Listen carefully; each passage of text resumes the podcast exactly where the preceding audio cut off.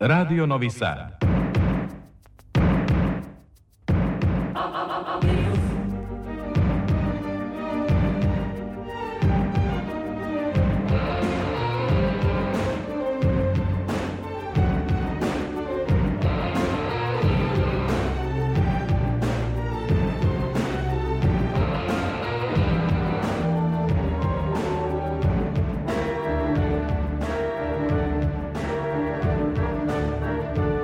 Spektar.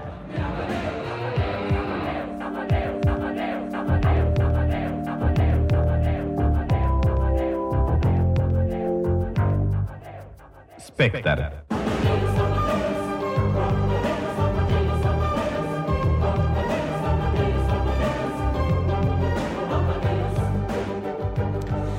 Dobro večer. Ja sam Tatjana Novčić-Matijević, počinje Spektar, magazin prvog programa radija, radio televizije Vojvodine za kulturu.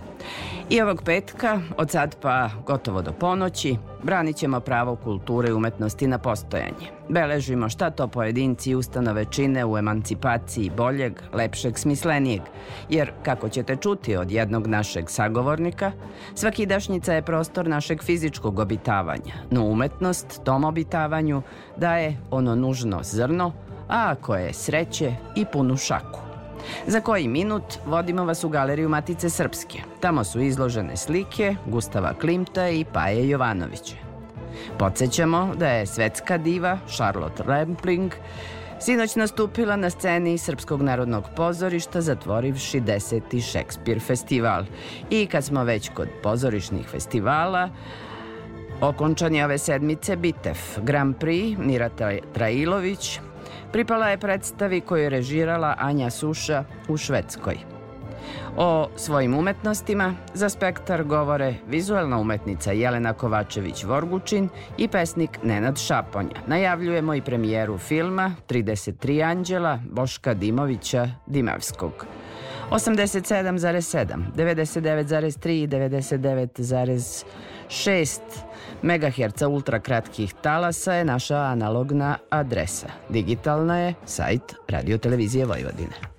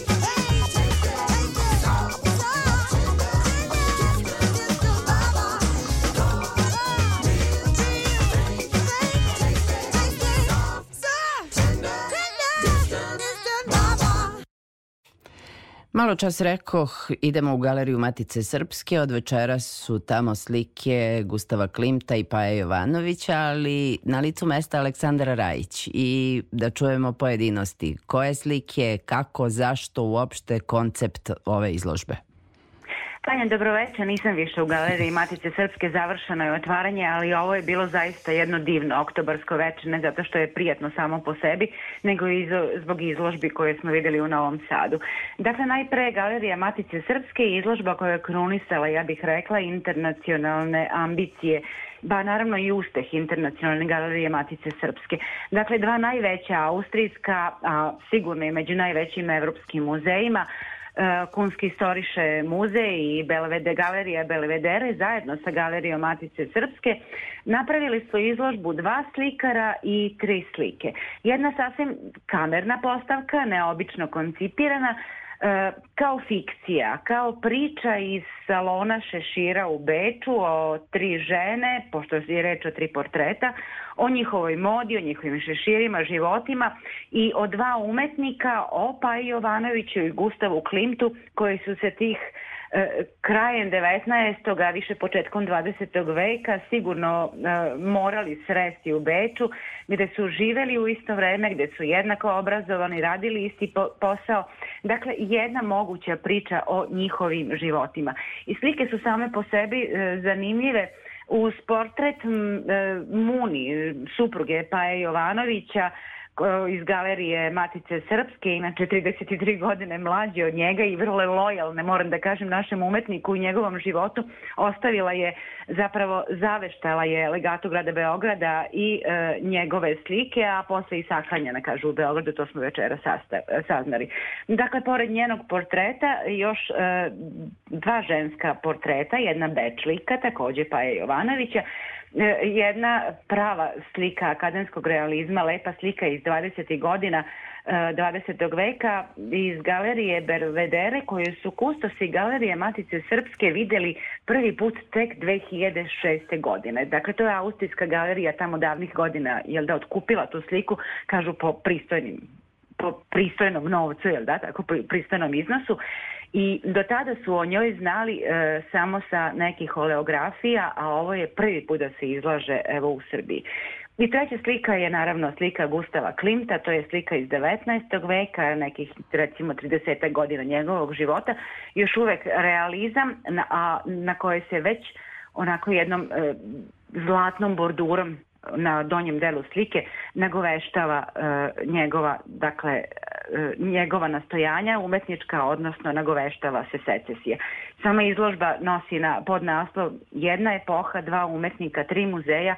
Otvorena je tamo negde do e, polovine januara, biće puno pratećih programa vođenja, e, biće čak i jedna filmska premijera o Gustavu Klimtu, reći o novom filmu iz 2023. godine i premijera je najavljena tamo nekdo drugoj polovini ovaj novembra.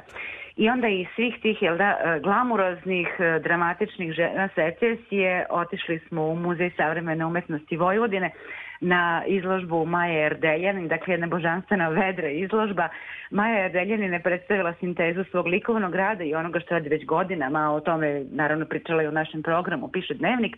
Izložba je svojevrsni dnevnik, dakle ima i pisanog e, dela, ali je to recimo jedna zbirka slika posvećena svakom danu. Dakle, kaže Maja Deljanin, to je ovaj, oda običnom danu. Svaki dan u godini je uh, nečemu uh, treba posvetiti. Mislim, svi dani u godini su jel da nečemu posvećeni onom kako ekologiji, baštini, dani džeza i tako dalje. E sad Maja Deljanine onako napravila e, lične posvete svakom danu i to zabeležila e, na svojim slikama i sve to izložila u Muzeju savremene e, umetnosti Vojvodine, pa tako imamo recimo Majin dan teških pitanja, dan bivših ljubavnika, dan odugovlačenja, dan pristojne ponude i tako dalje.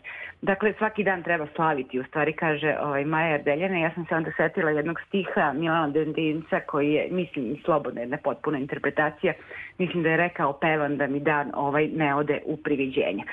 E, tako sastavni deo ove izložbe je i katalog dnevni koji će biti promovisan tamo negde krajem oktobra, pa ćemo eto i to pratiti. Dakle, jedno zaista lepo večer u Novom Sadu. To veče bi da kako moglo da potraje. Čuli smo ova ekskluzivna izložba u Galeriji Matice Srpske trajeće do polovine januara. Dakle, ako je ikome Beč bio daleko, evo Klimt mu je sada tu na dohvat ruke, tako reći. Ja sam na početku emisije rekla da zapravo zašto govorimo o umetnosti? Zato što ona daje tom našem fizičkom postojanju ono neko zrno pa ako je sreće i puna, punu šaku, čini mi se da e, u ove dve institucije se, boga mi, može dobiti pregršt tog smislenog, lepog e, i intrigantnog sa raznih stanovišta. U svakom slučaju o, dobro veče, da, u Novom Jeste, Sadu. Jeste, treba dobre volje i obićite galerije. Možda sam samo zaboravila da kažem da su kustosi izložbe Paja Jovanović i Gustav uh, Klimt, uh, Snežana Mišić i Nikola Ivanović. Eto toliko, pošto su se zaista potrudili da uh, ova dva umetnika uh, predstave na poseban način. I još samo da čujemo i do kad je otvorena izložba Dnevnik Maja Erdeljan. Erdeljan. E, do 5. novembra. Evo, dakle, ima dovoljno vremena. Ima, ima vremena, jeste. Eto tako, čuli ste poziv, javni poziv Aleksandra Rajić, sve, sve predočila i ne postoji ni jedan jak razlog zašto u narednih mesec, dva i po, tri ne vidite neku od izložbi vredi susret sa umetni, umetnošću je neprocenjiva vrednost. Embora menino, vamos tocar em francês. Embora vai cantar em francês.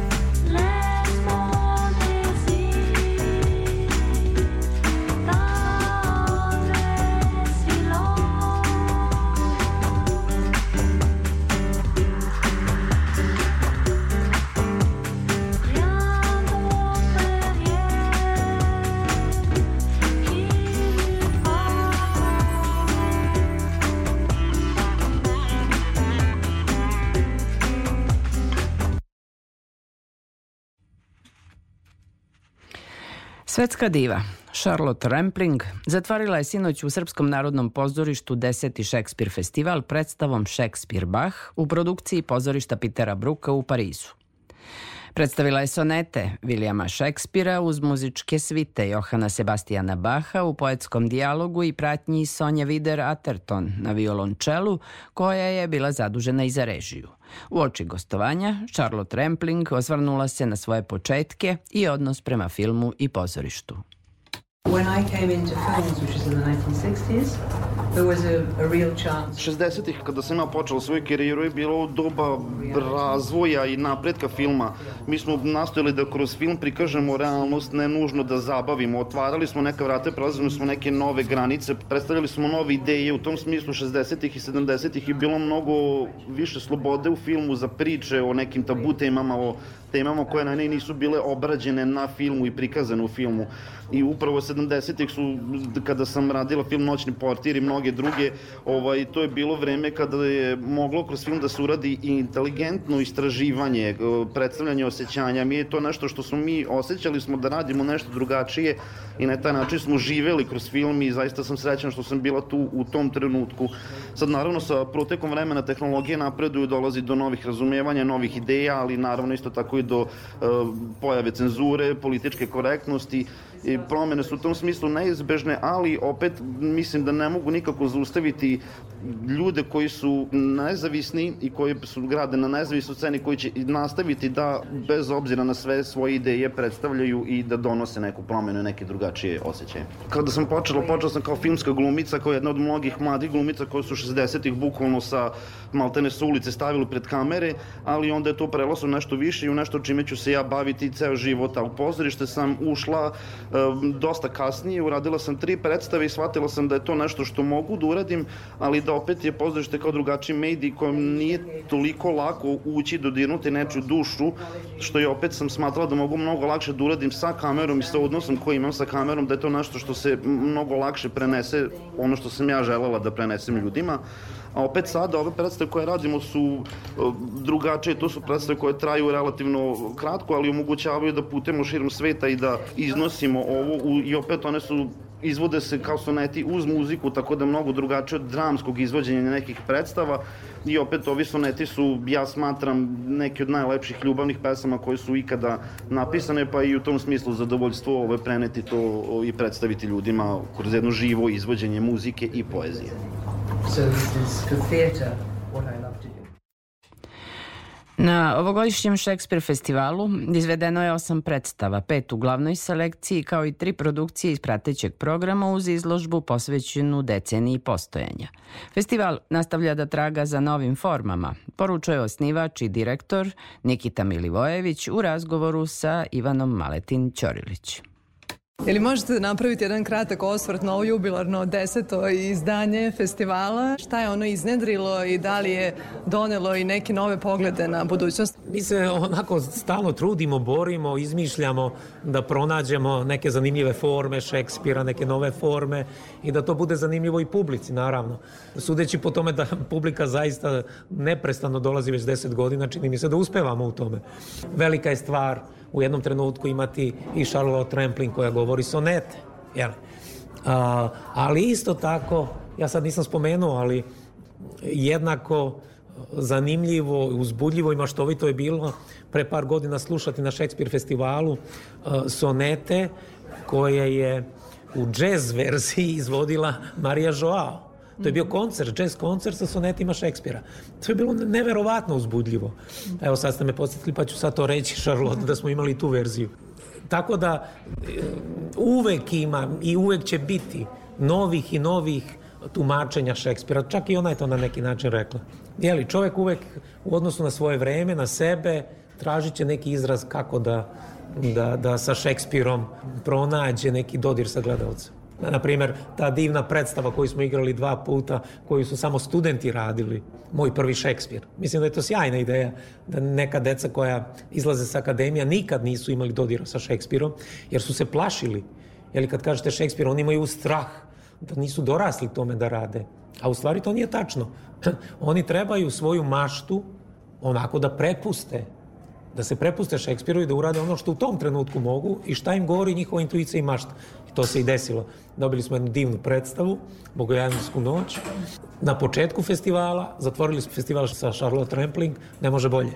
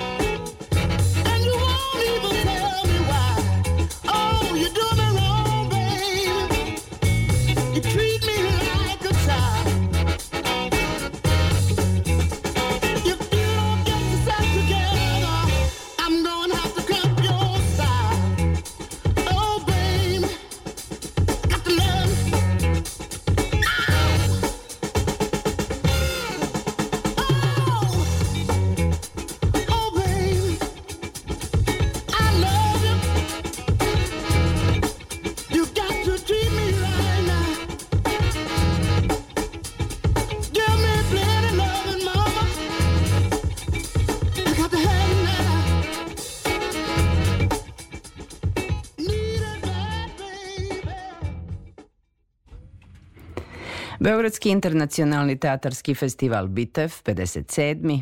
okončan je ove sedmice. Grand Prix Mira Trailović pripao je švedskoj predstavi hashtag Žan prema tekstu Ivane Sajko u režiji Anje Suše.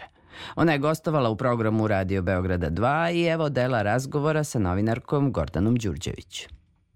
Meni je bilo dovoljno eto da posle mojih skoro 12 godina kontinuiranog rada u Švedskoj i poslednjih skoro 5 godina života u Švedskoj neko odavde ima sluha i, i, i ima potrebu da možda predstavi nešto od tog rada domaćoj publici, jer je to sad već jedna čitava ja volim da kažem paralelna karijera, ne samo u Švedskoj, nego i na još nekim drugim mestima. Švedskoj ozbiljno konkuriše i Slovenija, gde sam radila dosta predstava takođe, koja je potpuno prošla ispod radara i to su sad već i ozbiljan broj godina i ozbiljan broj predstava.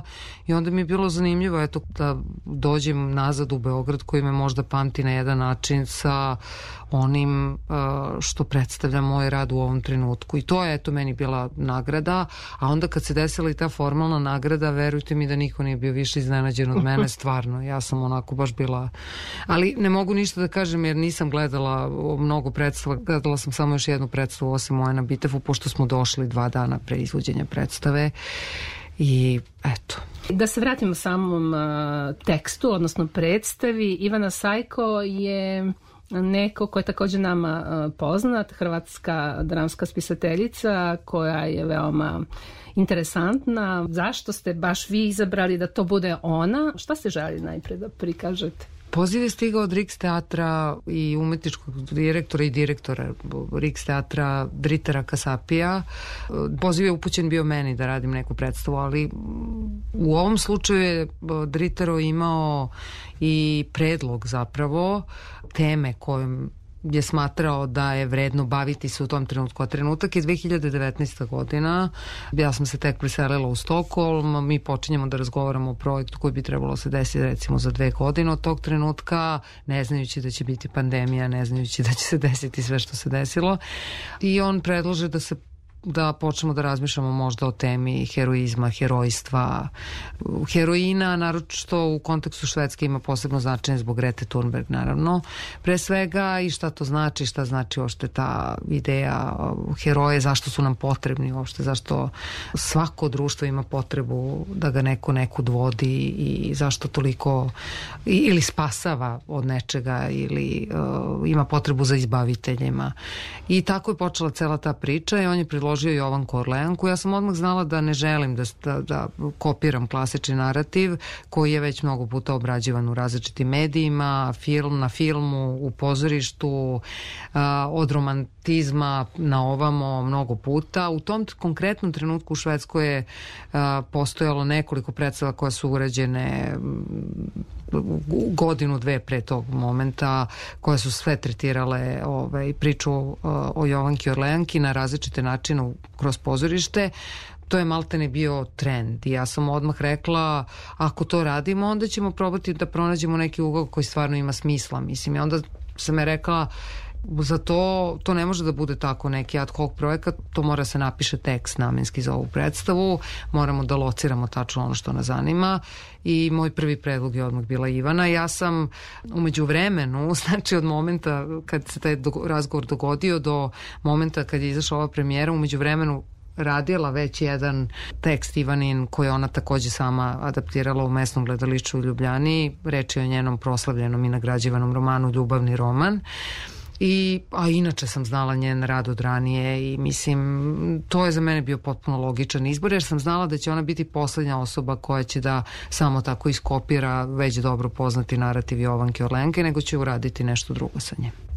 I da li ste pronašli ko su današnji heroji, odnosno heroine? Ivana je upravo to uradila, ona je pronašla jedan drugačiji ugao, ali moram da kažem, pošto je prethodno vrlo detaljno proučila svu moguću dostupnu građu o Jovanki Orlenki, uključujući 4000 stranica sa njenog suđenja koje su dostupne kao open access na internetu, to sam ja ovaj, s vremena na vreme gledala i onda smo se dogovorile, ok, odbacujemo onaj deo koji se odnosi na verski fanatizam, odbacujemo onaj deo koji se odnosi na, na nacionalizam i zadržavamo u stvari uh, idealizam njen i neverovatnu veru i hrabrost da da se čak da i život u ime ideja koje a, pokreću društvo napred, koje donose nekakve promene, što je danas onako redka pojava. A sa druge strane postoji od Maxe Amini pa preko Grete Thunberg i tako dalje, postoji,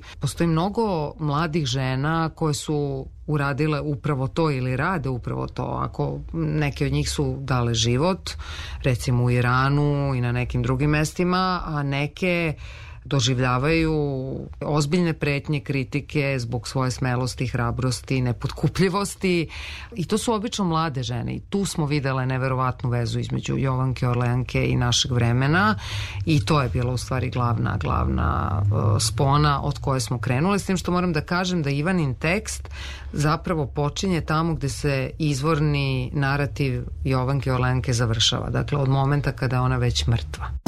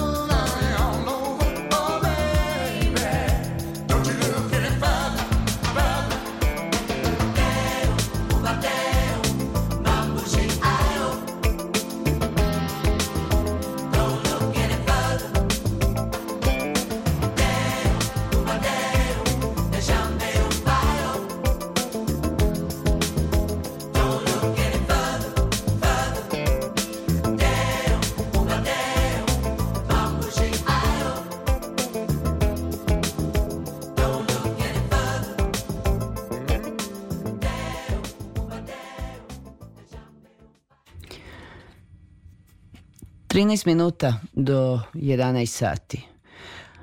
Vreme je za sagovornika Spektra.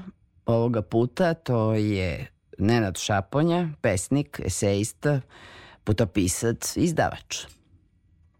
Za psihologiju gravitacije najnoviju knjigu stigle su dve nagrade. Jedna je ona, rekla bih, regionalna važna, koja se zove Kočićevo pero, koja samerava u našim jezicima. Druga je Teodor Pavlović, takođe jedna nagrada sa dobrim pedigreom. Vreme je za priznanje za opus, ali je li psihologija gravitacije ta snaga reči i jezika? Pa nadajmo se da jeste.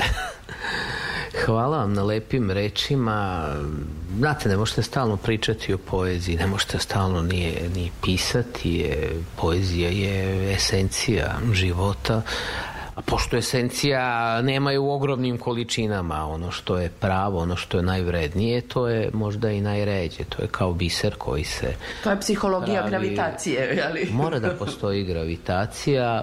Gravitacija a mora da je realnost, ta psihologija ne? kao nauka o duši, koja u ovom slučaju nije nauka naravno, nego je priča o duši svi mi volimo i tu vrstu priče, zašto? Zato što ona se tiče, a to je ipak priča koja je malo van e, ovoga svakodnevnog prepoznatljivog sveta, materijalnog sveta, vrlo konkretnih stvari, znači. Ali da je ono, ono važno zrno.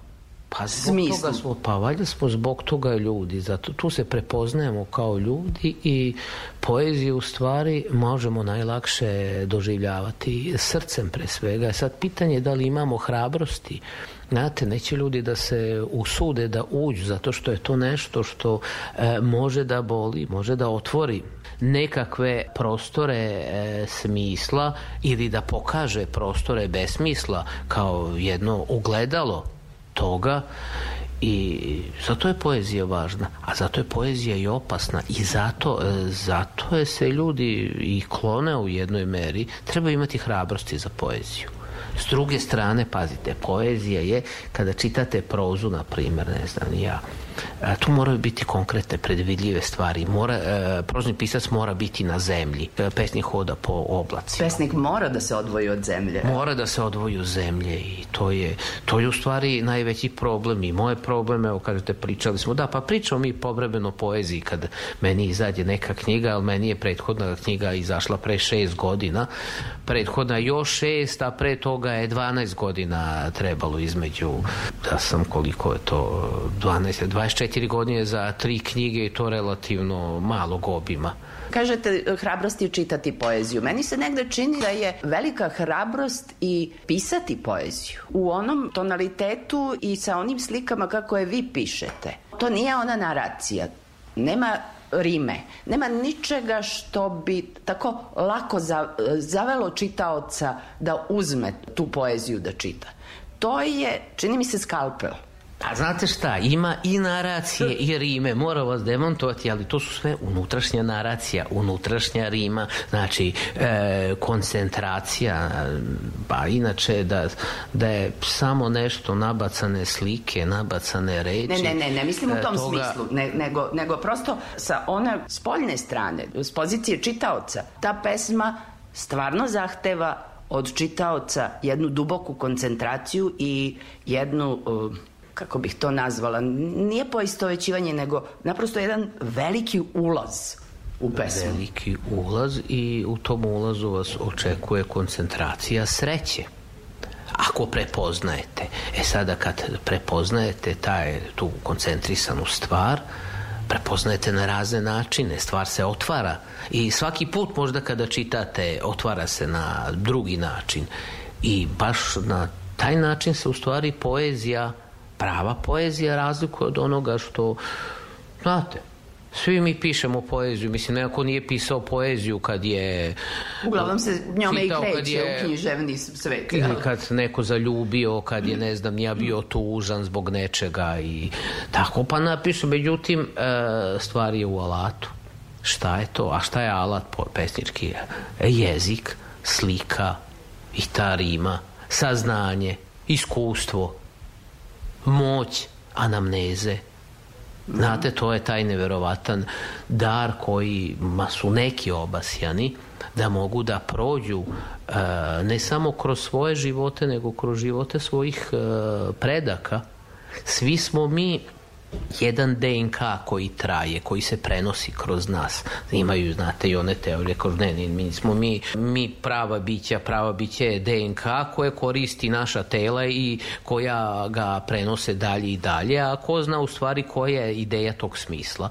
Tako da morate biti spremni da uđete anamnestički u taj prostor. Nisu džabe to stari Grci smislili taj termin imam utisak, kao i svi mi kada razmišljamo o tim starim narodima, da se nekada sve znalo i da se jako toga mnogo zaboravilo i sad mi u savremenom svetu koristimo druge koncepte e, percepcije tog sveta. E, a, poez, a poezija je tu stvar koja je e, jača, drugačija, koja ume da razobliči to. Znate, proza, i kad je najbolja, ona mora da popiše ta imena stvari, mora taj svet da vidi, morate ga, ono što vi kažete, aha pa da, lakše idete, lakše prolazite kroz to, zato što su to neke slike koje su za vas uh, predvidljive, logične i koje su sada bolje ili lošije sklopljene. Da li je priča napisana vešto, da li postoji taj skaz, da li postoji taj igra, što će nas vući i što će vas stalno, uh, kad je proza dobra? Kada je brzo čitate, kada okrećete stranice najbrže moguće, želite da vidite šta se dalje desilo, a pri tome je to lepo napisano. S poezijom je potpuno drugačije. Poezija mora da se useli u vas na način samo njoj znan i da radi u vama iznutra. Slažemo se, jezik je taj koji je primarna alatka, te reči, odabir reči, sintagmi, koje čitaoca uvuku u pesmu ili ga odbiju. Ima li tu strategije neke? Kako tu pesmu useliti u dušu čitaoca? U mozak čitavca. Naravno da ima strategije, mora, morate i to znati, je sada to se teško stiče, e, ne, postoji, ne postoji kurs, e, ja par mislim da ne može da bude kurs kreativnog pisanja za poeziju, načelno da, ali to što je načelno i to što izgleda tako u stvari nije. Kao što znate, moja prethodna knjiga se tako izvala, izgledam dakle nisam. Znači, to je vrlo jasna distinkcija. Ono što izgleda samo izgleda. Sigurno nije. A vi morate potražiti ono što jeste. I to je za mene izazov u poeziji. Zbog toga toliko i sporo pišem i dugo i moram priznati da sam bio jako, jako srećan kad sam završio ovu knjigu i da sam jedno tako pre nego što je izašla jedno dva meseca čitao, čitao, čitao i da sam i sam dosta naučio iz nje. Toplo se preporučuje za, za taj nužni proces samospoznaje. I imao sam dosta lepe reakcije dok još nije znači ni izašla knjiga. Sam se sad, pošto ja pišem na mobilnom telefonu, gde god se nalazim, znači je sad vaš prostor za pisanje, ne morate sesti u, ne znam, nekoj, da sedi pesnik negde za radim stolom. Da, da, te, te romantične slike su stvarno Nema stvar više, prošlosti. sa, sa perima da. je tako, iako sam dobio Kočićevo pero, baš kao pero, jedna starinska stvar, međutim ja sedim na aerodromu, sedim e, između neka dva sastanka, e, vozim bicikl, pa stanem, izvadim telefon i napišem ono što treba da napišem i onda to sklapam, to je neki, neki, neki put i i eto, to je. I, I još me zanima e, nešto, s obzirom na, na vrstu poezije, kakva je strategija komponovanja? Ima li tu nekog, neke taktike kako jedna pesma doziva drugu i onda se zatvori ta priča i zove se Psihologija, recimo psihologija gravitacije. Da, postoji ta gravitacija između reči, između bića koje se nalaze unutra, između slika, a verujte ovo što ste sad postavili, ovo je krucijalno pitanje, u stvari to je najteža stvar kako sastaviti knjigu. Dakle, da ona ne bude zbirka pesama, nego da bude knjiga poezije. Ali ja lično sad, ajde da budem potpuno iskren, mm, ne možete, ja lično to ne mogu znati. To je, to je stvar intuicije intuicije znanja. To je kao kad pitate nekog e, vrhunskog majstora zašto to radi. ili muzičara. A u stvari knjiga ima, po meni, kad je pogledam ako kao čitalac i zaista sam uživao, kao čitalac sam uživao, kad je to gotovo, prvo to je, e, nije lako je napraviti, nije lako je završiti i svaki put kad mislite da ćete to uspeti da završite, ne uspete, nego tek onda kada kad se Kada se pojavi, desi taj kada trenutak, se je. desi taj trenutak e, nije ni inspiracije to neko prosvetljenje da, da osjetite, ali vi kao svih pravih stvari čekate. Čekate da se desi, da se otvori i onda se to desi, recimo ako imate sreće da se desi, eto meni se znači sa onom knjigom koja se zvala Slatka smrt, e, 12 godina nisam mogao da završim nešto što ima 30 pesama, na kraju se sklopilo.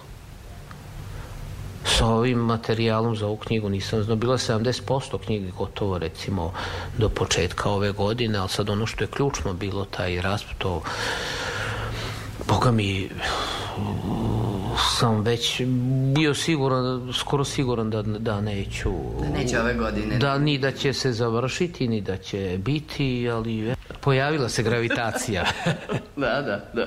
Pravi Prava. trenutak gravitacije, da. Morate biti, znate šta, šta je e, poenta? A što sam naučio iz te knjige, recimo, jedno od saznanja, posle čoveka posteriori razmišlja o stvarima koje su mu izgledale samorazumljive, jednostavne i zaista kada ovako i pričamo, kada govorimo, e, mi kao podrazumevamo da sve znamo, u stvari znamo jako malo i naše znanje se strašno menja u vremenu i kako prolazi vreme, to više uopšte nije to, nego je nešto drugo. To je, I to je recimo e, ključno saznanje. Hoćete da kažete da kad izađe knjiga pesama, to je onda to. Nema te vrste samopropitivanja da li je moglo drugačije nešto, jer desio se taj trenutak kad je knjiga sklopljena. Znate šta, Je se vraćate? Knjiga je knjiga. Ja se ne vraćam nikada, nema ni promene ni u zarezu, ni u mojim prethodnim knjigama. E, naprosto, knjiga je ta i knjiga je očigledno biće koje je van mene. I zbog toga mogu iz polja da je posmatram i zato sam uživao u čitanju knjige I zaista sam mogao, znači, da razmišljam o nekim stvarima o kojima prosto nisam razmišljao da neko kaže pesniku, e, a baš si to... ht-" Ne, kad si ono što si hteo, to nije to. Nema intencije. U poeziji nema intencije. Postoje neki mutni nagovešta i postoji nešto, ali ozbiljno, mislim ne ozbiljno, poezija se piše drugačije. E sad to što postoji mnogo pesama, Možete svugde pročitati, čak i u, neki, i u knjigama i razne, ali to nisu pesme, to nije poezija. To samo liči na to izgleda kao što, kao što imate ono, to sam ja pričao kada odete u knjižaru pa vidite, ima, to su sve knjige unutra, ali otprilike tamo ima u našim današnjim knjižarama na, nažalost jedno 10 do 15% knjiga, a ostalo sve su sve nešto što ima oblik knjige, što liči na knjigu, ali u stvari vi e, sadržaj knjige nećete dobiti. Prostor književnost, nećete ući u prostor novog sveta. Svi književnici kažu da su pre svega čitaoci pa onda pišu. Koliko je poezija taj pretekst? Znate šta, morate biti A. Konzument života, B. Konzument književnosti. To i jesu i nisu iste stvari. Jesu ono staro, ono res kogita i res extenza, znači u književnosti ulazite u prostor saznanja, otkrivate stvari kao što i u životu otkrivate stvari. A otkrivate, a kako otkrivate u životu? Kroz ono što vam se dešava, kroz kontakt sa drugim bićima, ti kontakti mogu biti pozitivni, negativni, jako negativni, Jasno, jako pozitivni, jednostavni, subtilni, potpuno jednostavni, potpuno prazni, imate proizvodnju smisla, imate isušivanje smisla, U suštini, ponešto sam iz ove knjige naučio jedna od stvari je da se treba držati ljudi koji proizvode smisao i da jako treba izbegavati prazninu. Čim prepoznate prazninu, sklanjajte se. Nemojte komunicirati, to vaša psihologija gravitacije mora biti takva.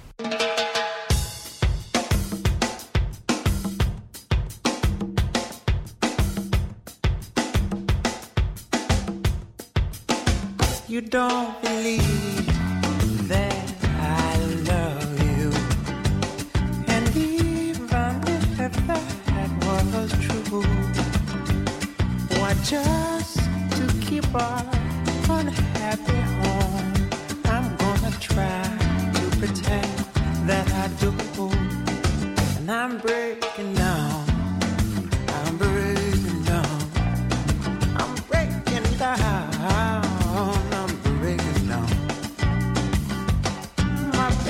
that said she ain't coming back around. And I'm breaking down. Oh, I'm breaking down. And if I thought that it was okay.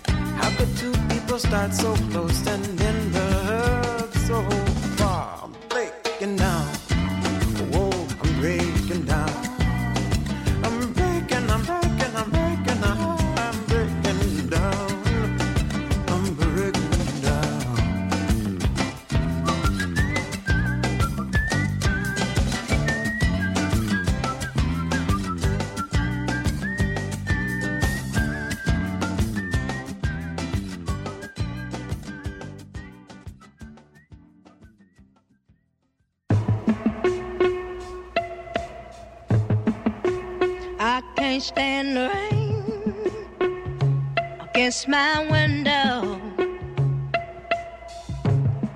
bringing back sweet memories.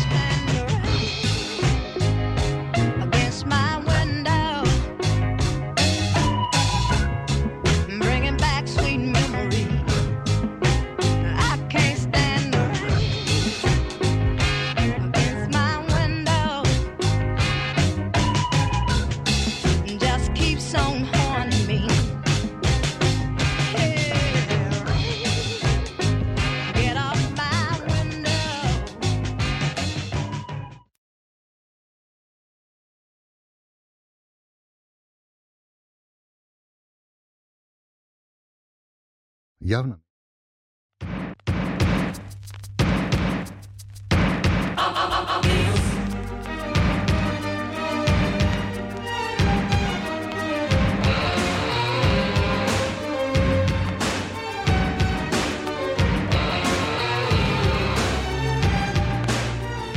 Izložbom fotografija Hlorofil i svetlost. Novosadska umetnica Jelena Kovačević-Vorgučin nastavlja da istražuje tehnike izrade fotografija na netipičnim materijalima, a polazeći od ličnih prostora i sećanja otvara pitanje protoka vremena, krhkosti i emotivnosti.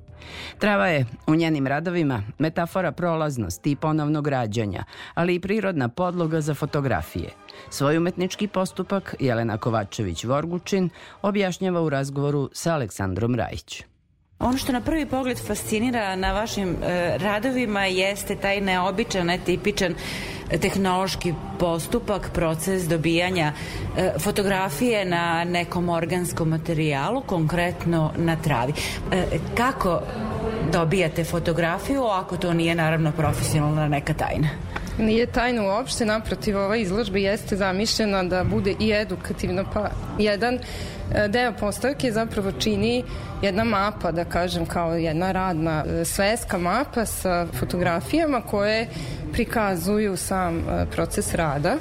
Tako da bih ja vrlo rado, baš bih se radovala kada bi neko preuzeo, pročitao, pogledao, pitao i možda nastavio da eksperimentiše, ili definitivno ovaj, pomaka ima u odnosu na prethodne dve godine. Treba raditi, tražiti, istraživati, pa će neki rezultati da se pojavi. Zašto baš trava? E, mene je negde još kao kad sam student bila fascinirala mogućnost da na biljkama postignem fotografiju čistim prirodnim procesom fotosinteze. Možda sam bila premlada tada i ne shvatajući koje su stvarno potencijali u tom procesu, ali sam negde probala tada da na biljkama koje je moja majka uzgajala u kući sam stavljala analogne, odnosno filmove, crno-bele filmove i dobijala sam nekakvu sliku. Ali to je bilo pre 25 godina. to neki samo vaš postupak ili je to nešto što je već e, poznato i razrađeno u, u tom vašem radu? E, u suštini postoji, nije nepoznato u istoriji e, fotografije, međutim, e, da kažem, negde se to možda i vezuje za neke prapočetke ovaj, E, samog razvoja fotografskog procesa, e, međutim, tada u tom momentu, možda kad sam ja to radila, kad nije bilo ni interneta, zaista u tom momentu ne znam da se iko time to mišlju bavio.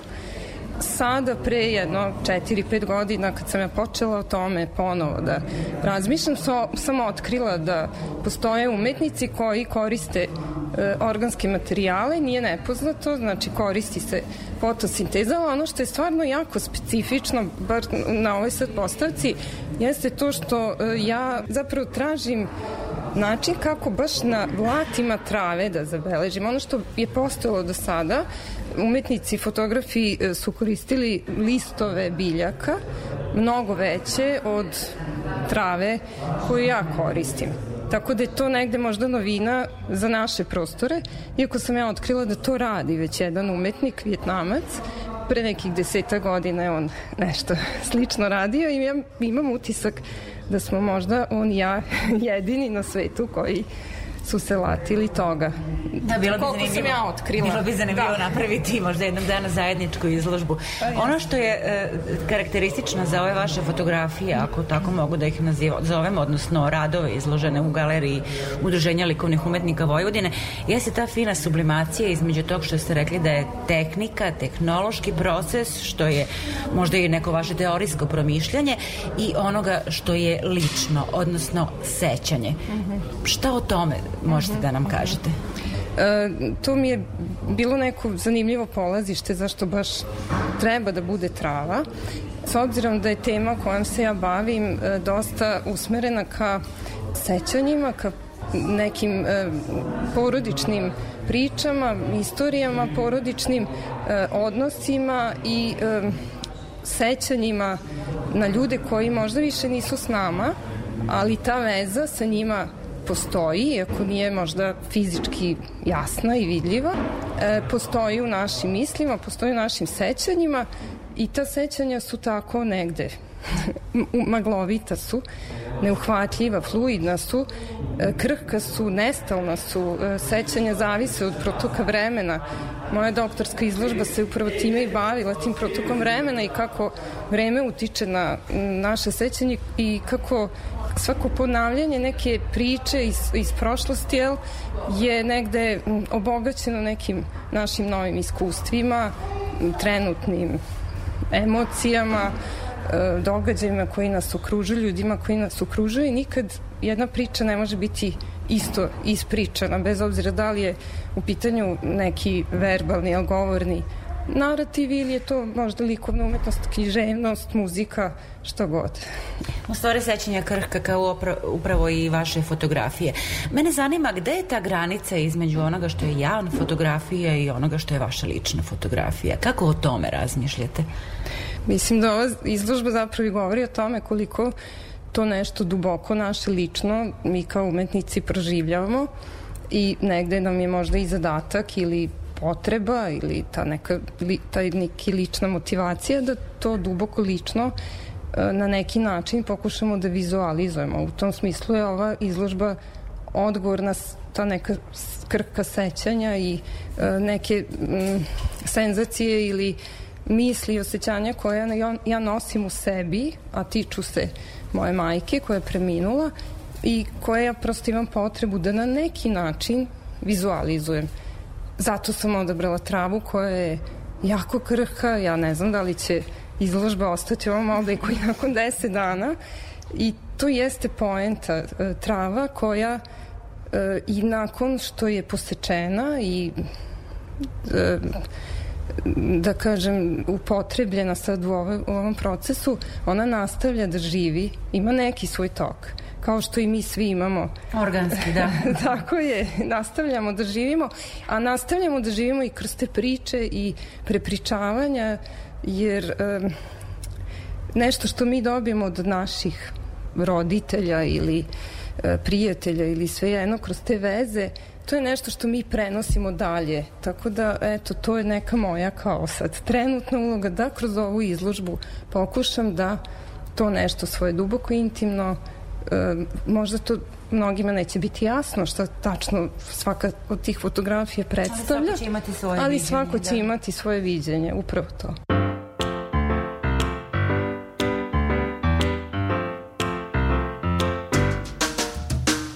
Some boys kiss me, some boys hug me. I think they're okay. If they don't give me proper credit, I just walk away. They can beg and they can plead, but they can't see the light. Cause the boy with a cold hard cash is always Mr. Right. Cause we're living in a material world, and I am a material girl. Material world, and I am a material girl. A material girl. Some buzz romance, some buzz slow dance. That's alright with me. If they can't rise my interest, then I have to let them be. Some boys try and some boys lie, but I don't let them play. The only boys who save their pennies make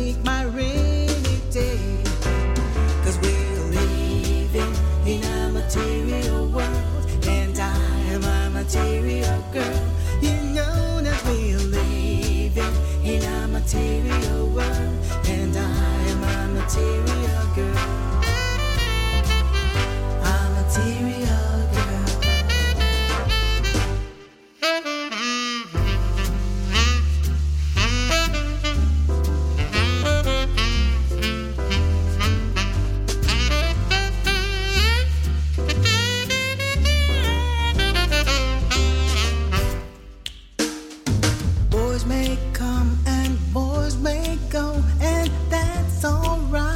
see.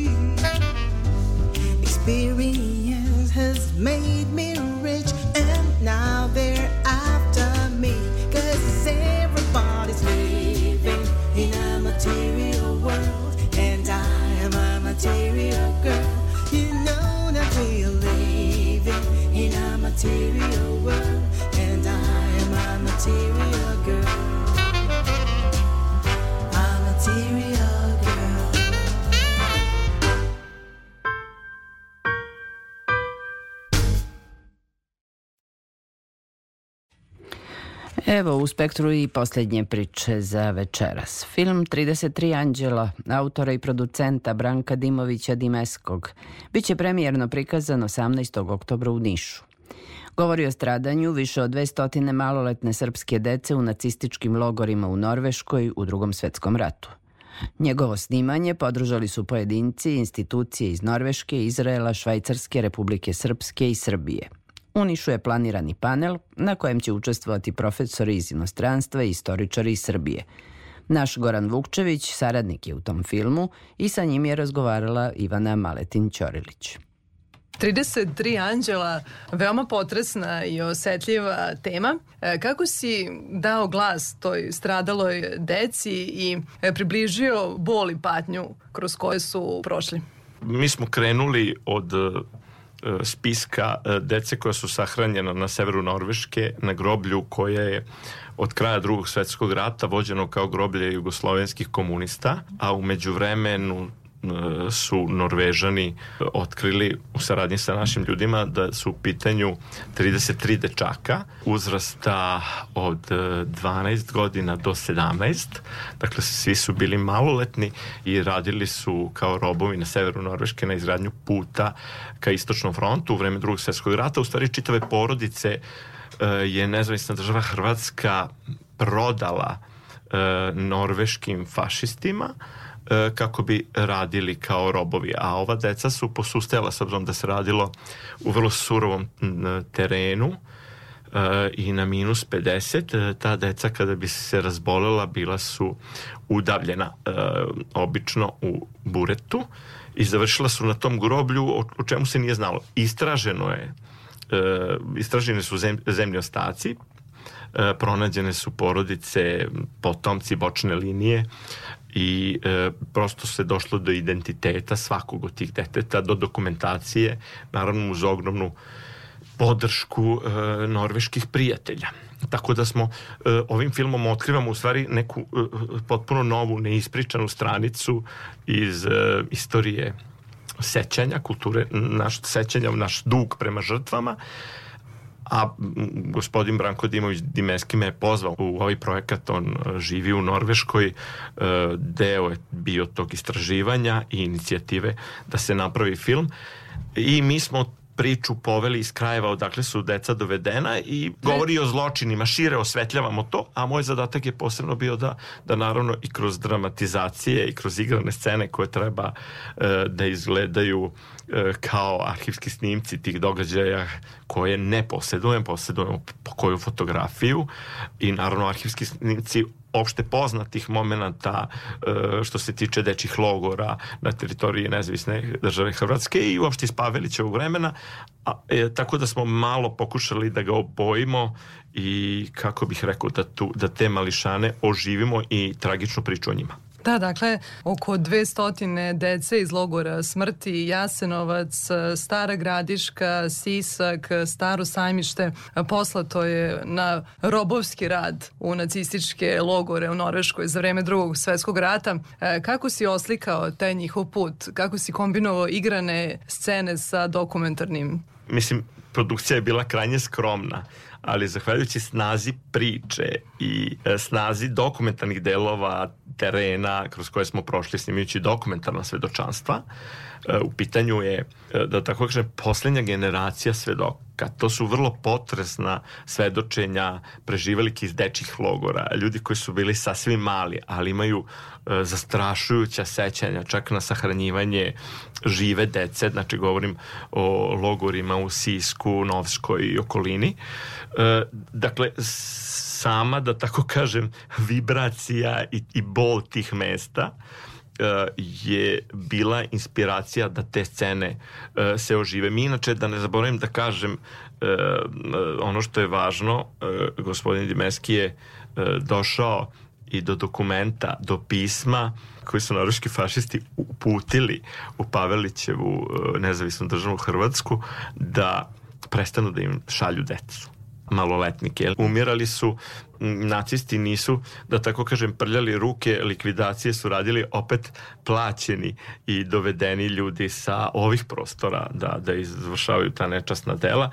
Još te, bolna je tema, gledao sam da igrane scene e, budu, da tako kažem, prihvatljive za gledanje i, i mlađoj generaciji, da ne budu eksplicitne u tom smislu, a da opet prikažu surovost e, svega što se dešavalo. Više u stvari da, da, da nagoveštavaju e, iščekivanje zla, vrlo, vrlo malo smo išli na neke konkretno činove likvidacija, a opet to nekako sve primereno primereno uh, publici da, da prosto surovost uh, igrane scene ne ubije dokumentarnost filma. To je uvek problem sa dokumentarnim scenama koje treba da budu snažne, da ne uguše uh, o snagu dokumentarne priče, stvarnih svedočanstava koje su zaista bila povremeno onako vrlo, vrlo užasavajuća po ekipu koja je slušala.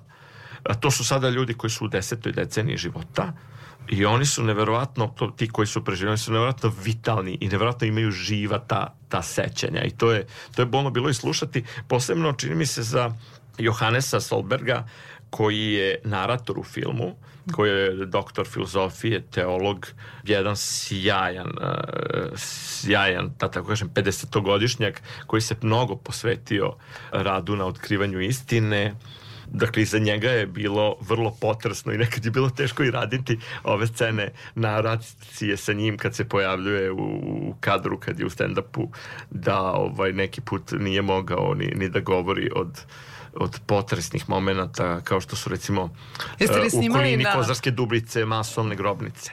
Da, jeste li snimali na autentičnim lokacijama? Rekao si da na početku projekta niste raspolagali sa velikom arhivskom građom. Da, ali su I na kakve svedoci već reakcije bili ste nilazili na tim pronađeni. mestima? Ili su se otvarale neke nove priče, pojavljivali... Zastrašujuće što se zločini na istim mestima ponavljaju i u poslednjem ratu su se ponovili da tako kažem u ovom ratu 90-ih, pošto je poslednji onaj koji trenutno traje. Nadam se da, da, da, da je poslednji zaista. U svakom slučaju zastrašujuće je da to, tokom krvavih ratova 90-ih da su prostori toliko, da tako kažem, natopljeni krvlju i onda se ponovo e, natope, natope krvlju, a to su neki potpuno užasavajući e, zločini koji su neshvatljivi. Da li se čini da u poslednje vreme u našoj zemlji se više pažnje i prostora posvećuje kulturi sećanja?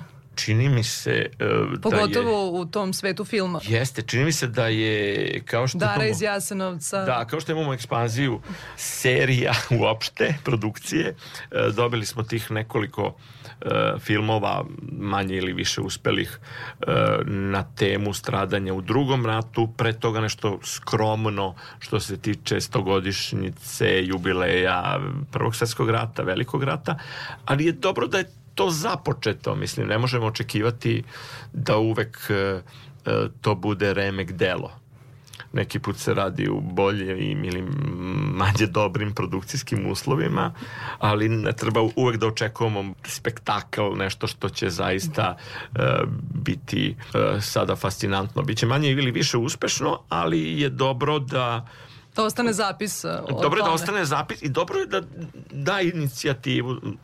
Mnogo su ljudi ovaj e, često okrenuti e, samo sebi i samo trenutku ne kažem I kratko da, bi, da bismo bili srećni treba da živimo trenutak ne da živimo u prošlosti i budućnosti ali ko nema istoriju narod koji nema istoriju onda nema ni budućnost.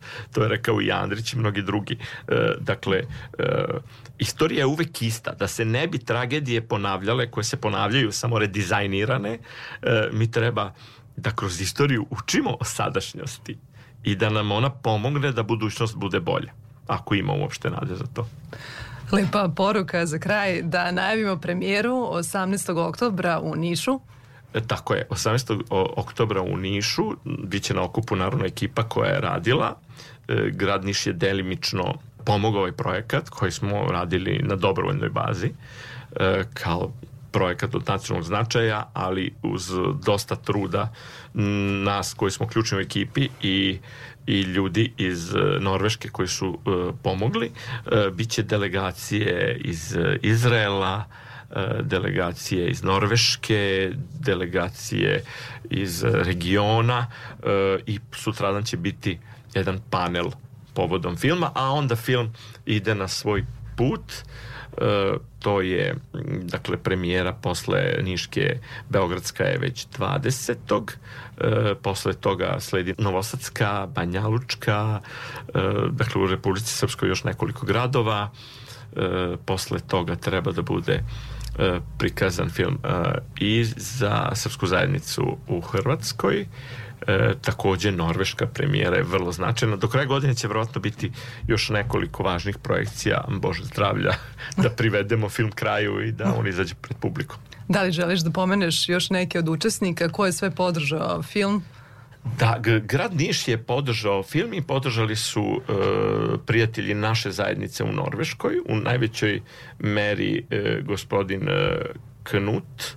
Zanimljivo je da je jedan dečak koji je čudo od deteta e, pisao muziku, ja sad ne, nemam imena pred sobom ispisana, e, norveški i uopšte čudno zvuči nama, tako da smo se opredelili da se u filmu uglavnom čuje engleski i srpski da bi on komunicirao na najširem planu. Ekipa e, koja je radila produkciju i koja je zaista vrsna, nju predvodi Dejan Tršić iz e, Kragujevca i njegov studio. Uživao sam u toj saradnji, a videće i publika da je to na jednom e, svetskom nivou urađeno, bar u tom smislu produkcije. Znači ono što, što se tiče montaže i postprodukcije je zaista na visokom nivou i m, doprinos su dali takođe dobrovoljno glumci iz regiona, dakle glumci iz eh, Prištinskog pozorišta, Niškog pozorišta, glumci iz Banja Luke, glumci iz Prijedora. Veliki Meni je bilo odziv. zadovoljstvo da sam kroz ovaj mukotrpni, mukotrpni rad eh, često u jako skromnim uslovima eh, i često uz improvizaciju, što verujem da neće biti tako primetno publici, ali mi smo prošli jednu Golgotu, koja opet ne može da se poredi sa tragedijom koju su prošli oni o kojima film govori, ali eh, ne možete, ja mislim da nikad ne možete jeftino da prođete kad radite film eh, o Takve priče. nečijem bolu i o nečijoj patnji. Radio sam Archibalda Rajsa, pa imam to iskustvo. Prosto trenutak je bio da se nije moglo odlagati, pa smo pristali na sve, jer e, rekao sam svedoci imaju preko 90 godina i to onda nema mnogo vremena da se, da se čeka. Ali e, zaista je puno ljudi pomoglo projekat e, Milku Kajganić da ne propustim da pomenem ona je novinar i viktimolog i živi u Cirihu ona je dala isto e, veliki doprinos na ovom istraživanju dobili smo dokumente i iz Izraela i iz Norveške i iz Hrvatske e, tako da puno truda je uloženo ali film će verujem ostati za sva vremena. Gorane, hvala ti najlepše na ovom razgovoru i želim da što više ljudi vidi ovaj film i da pošalje pravu poruku. e, tako je. Hvala